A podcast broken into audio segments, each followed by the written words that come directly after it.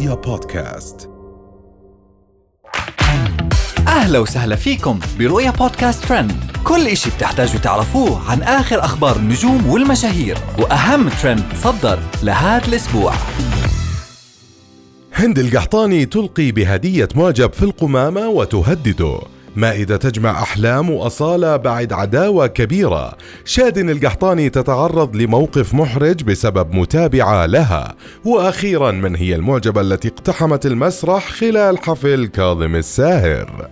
ظهرت الناشطة السعودية هند القحطاني بفيديو عبر سناب شات وهي توجه رسالة لأحد معجبينها واتهمته بتجاوز حدوده بعد ما أرسل لها ورود مع رسالة تجاوز فيها حدود الأدب وقالت إنه راح تلقي هذا الورد بالقمامة وهددته بعدم تكرار الحركة مرة أخرى. وكانوا مؤخرا المغردين تداولوا مقطع فيديو ظهر فيه ابن هند القحطاني وهو يحاول تصوير مقطع لها إلا أنه ما أغضبها هو تصوير معاذ لها بشكل مفاجئ وبدون فلتر.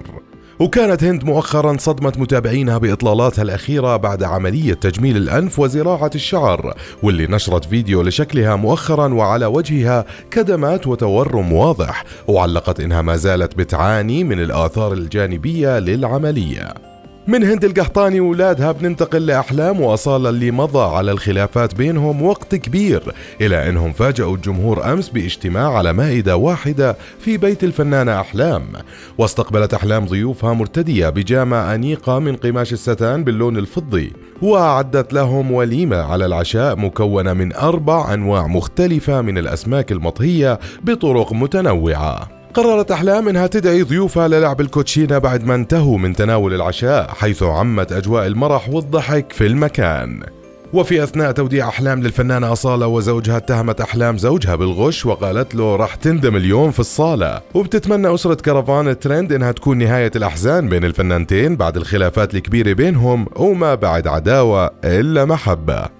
ننتقل للناشطة السعودية شادن القحطاني واللي تعرضت لموقف محرج من أحد متابعينها خلالها بتظهر إنها بتصور هوية الأحوال المدنية الخاصة فيها. وفي تفاصيل ردت شادن القحطاني على أحد متابعينها بصورة هويتها بعد ما كتبت لها ومنو الغبي اللي يسأل وحدة عن لندن وهي أول مرة تزورها أساساً. وردت شادن على المتابع وقالت بأن والدها كان يعمل على دراسة الدكتوراه في لندن ولوالديها العديد من الأصدقاء والمعارف في تلك البلدة. وأخيرا نبقى مع الفيديو اللي تصدر الترند للفنان كاظم الساهر وهو على مسرح دار الأوبرا المصرية بعدما اقتحمته أحد المعجبات لتحضن الفنان كاظم الساهر.